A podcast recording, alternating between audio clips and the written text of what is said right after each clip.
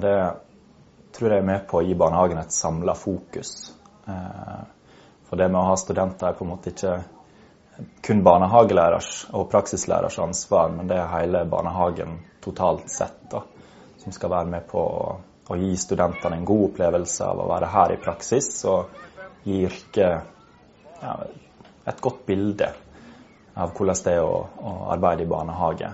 Altså, først og fremst vil jeg si at når vi ble spurt om å være praksisskole, tenker jeg at det, det, første er at vi har lyst til å være en del av utdanningsløpet til studentene. Og det å utdanne gode lærere, ikke minst for rekruttering. Vi ønsker å ha de beste lærerne. Eh, også, også, det at studenter eh, kan tilføre skolen eh, mye god erfaring. De, sånn at de, de erfarne lærerne også utvikler seg i eh, pedagogiske diskusjoner. Jeg vil si at det er bare positivt. Eh, vi hadde noen år for eksempel, da vi ikke hadde studenter, og det var ganske nitrist. For vi trenger litt impulser utenfra. Eh, vi trenger å se noen nye ansikter og tenke litt annerledes, vi også, rett og slett.